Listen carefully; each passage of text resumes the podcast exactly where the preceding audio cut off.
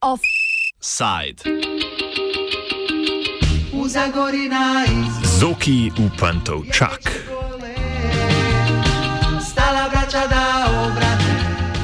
Na Hrvaškem je v nedeljo potekal drugi krok predsedniških volitev, v katerem je nekdani premijer in kandidat socialdemokratov Zoran Milanovič premagal sedanjo predsednico Kolindo Grabar Kitarovič.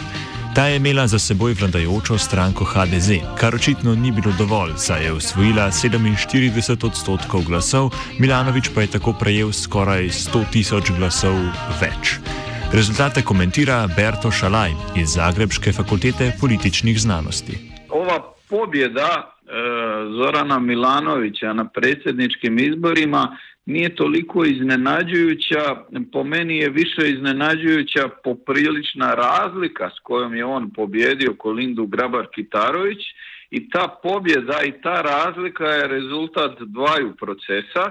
S jedne strane Zoran Milanović je uspio uvjeriti e, birače centra i lijevog centra da njegova pobjeda je jedna mogućnost da se prekine dominacija HDZ-a u političkom sustavu Hrvatske i on je kampanju vodio više protiv HDZ-a i premijera Plenkovića nego protiv same Kolinde Grabar-Kitarović. I očito je u to uspio uvjeriti značajan dio građana Republike Hrvatske koji su mu u drugom krugu dali preko milion glasova.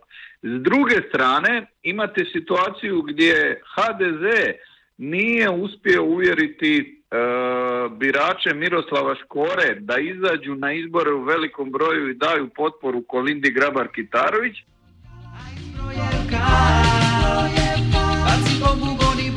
Hrvaška se je tudi tokrat razcepila na vzhodni in zahodni del, pri čemer slednji tradicionalno voli za kandidate bolj leve opcije, medtem ko so Slavonija, Dalmacija in Lika ostale zveste HDZ-ju. Predsednica Kolinda Grabar Kitarovič je osvojila večino od, v 12 od 20 županij in veliko večino med glasovi iz tujine, predvsem v Bosni in Hercegovini, kjer so voljivci že tradicionalno privrženi konservativni vladajoči stranki. Milanovič je dosegel večino v osmih županijah in v vseh večjih mestih z izjemo Vukovarja in Karlovca. Za zmago Milanoviča je bila pomembna velika prednost v krajih, kjer je bila njegova zmaga pričakovana. V Zagrebu je tako dosegel okoli 60 odstotkov glasov, v Istri, sicer tradicionalni trdnavi levice, pa celo več kot 80 odstotkov. Več o tem politični analitik in raziskovalec na Institutu za migracije in narodnosti v Zagrebu, Anželjko Milaradovič. Mislim, da je Milanovič dobil 8 E, osam županija, ali, ali k tomu sve velike gradove je dobio. E, e, čak i, i Split, Split je bio tradicionalno ono konzervativno orijentirani, to je kao utvrda HDZ-a, međutim u Splitu je također Milanović, u Osijeku isto tako, da. u Zagrebu što je, što je bitno. I očito da su birači željeli promjenu.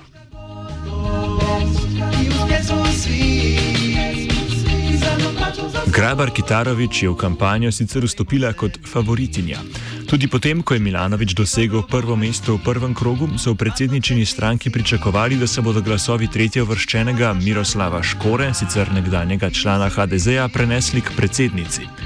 Pevec Škoro je na političnem zemljevidu Hrvaške zauzel prostor desno od HDZ-a in pri tem na svojo stran dobil tudi številne do nedavnega podpornike vladajoče stranke, ki le to vidijo kot preveč sredinsko in proevropsko.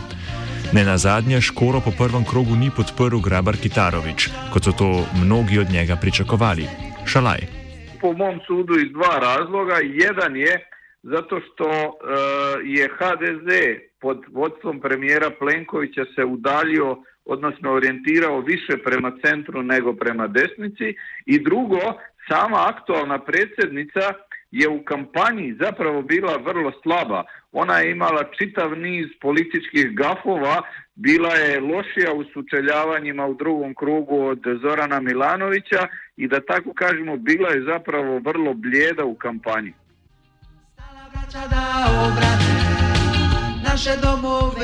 Grabar Kitarovič je med kampanjo zabila precej več avtogolov, kot pa jih je proti njej dosegel Milanovič.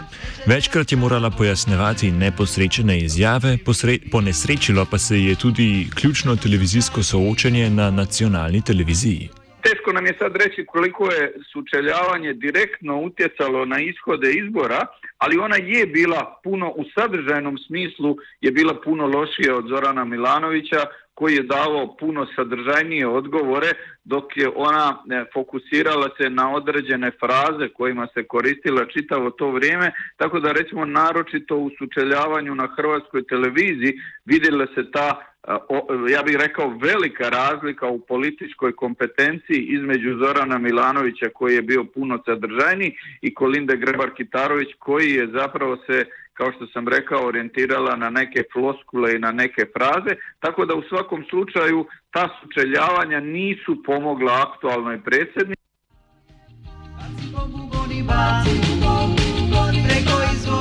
Kot rečeno, na hrvaškem tradicionalno močnejšem desnem polu so se med predsedniško kampanjo pokazale številne delitve, razlaga Milaradović. Bile so otvorene konfliktne linije unutar eh, samoga HDZ-a i političke desnice, eh, što se moglo vidjeti najbolje u prvom krugu, eh, pojavom nezavisnog kandidata Škore, koji, koji je dobio negdje preko 20, 20% glasova, prosvjednih glasova. Dio tih glasova je došao iz, iz HDZ-a. U prvom krugu je, su e, dio HDZ-ovaca glasovali za, za škoru. Na taj su način oslabili poziciju e, predsjednice Grabar Kitarović. Onda su ovi iz HDZ-a e, glasno govorili kao da će u drugom krugu doći do nekakvog automatizma, dakle da će se moći pribrojiti škorini glasovi, međutim on je pozvao svoje birače da stave, e, da otvore broj tri, a to je e, da zaokruže e, narod ili Republika Hrvatska i tako dalje, tako da je bilo dosta nevažećih listića i to je isto oslabilo poziciju Kolinde Grabar-Gitarovića, ojačalo je poziciju Zorana Milanovića, tako da jedan dio e, desnice je u, u sukobu sa, sa HDZ-om glasovao e, za Zorana Milanovića. Poraz Grabar Kitarovič bo nesoglasja v HDZ-ju še poglobil, kar kažejo tudi nekateri izmed prvih odzivov v stranki. Šalaj. Mi smo već vidjeli tijekom sinoćnje večeri da su se javili ozbiljni kritičari aktualnog premijera Plenkovića i načina, kritičari načina na koji on vodi HDZ i u kojem smjeru vodi HDZ, to su ljudi poput Mire Kovača, poput Davora Ive Štira, koje tvrde da je HDZ pod Pletkovićevim vodstvom se previše okrenuo prema centru i da se treba vratiti prema desnici. Mila Rodovič se strinja, da je premijer Andrej Plenković sedaj znotraj stranke oslabljen, a kljub temu pričakuje, da bo boj v HDZ-u potihnil v prvih šestih mesecih letošnjega leta, saj je Hrvaška z novim letom prevzela predsedovanje Evropski uniji. Plenković, eh, Plenković je svjestan, da je izgubio izbore za Evropski parlament, izgubio je izbore za uh, sada predsjedničke izbore, sada slijede unutar stranački izbori, već njegovi oponenti jurišaju na, na, to, na to mjesto. Hrvatska je od prvog prvoga postala presjedateljicom isto. Pa u, sad, u, tih šest mjeseci neće se povlačiti nikakvi potezi, dakle, neće se organizirati uh, izbori unutar uh, stranke HDZ, niti prijevremeni parlamentarni izbori, nego će se čekati završetak tog ciklusa tamo negdje prvog šestog, prvog sedmoga i onda se može razmišljati o unutar stranačkim izborima i pitanje e, šta se dalje može događati sa, sa Plenkovićem ako izgubi unutra podršku. Zmaga Milanoviča pa na drugi strani ne pomeni, da bo enako pridobila njegova stranka SDP, saj je to, kot meni Boško Šalaj, predvsem njegova osebna zmaga.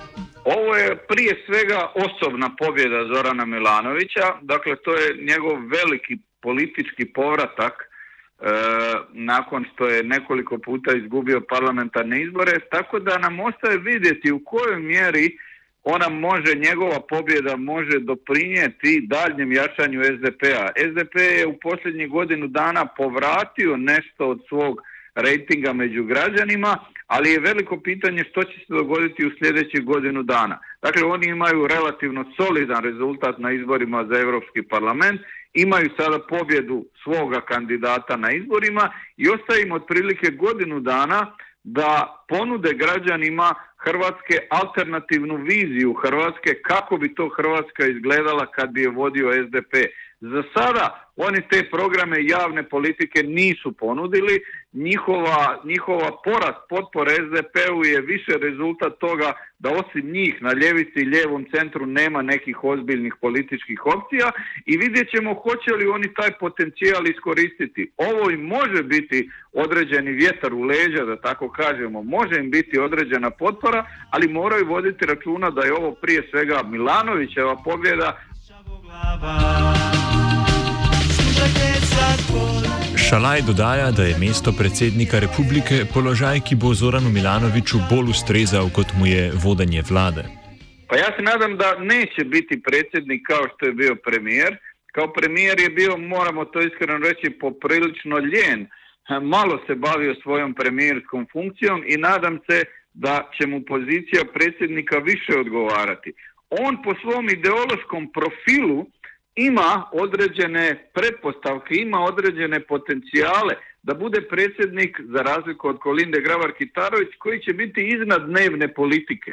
On ima potencijal s obzirom da ga možemo označiti kao lijevog suverenistu, jel tako? Ima potencijal da bude netko tko će štititi Republiku od političkih zastranjivanja.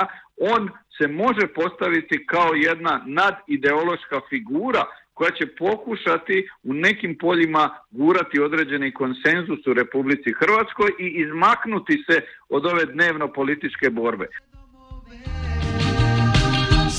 Stoji Hrvato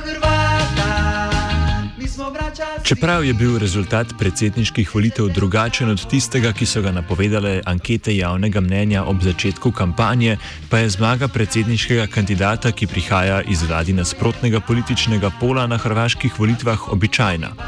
Pozornost politike pa se že preusmerja na pomembnejše parlamentarne volitve, ki bodo razpisane pred koncem tega leta.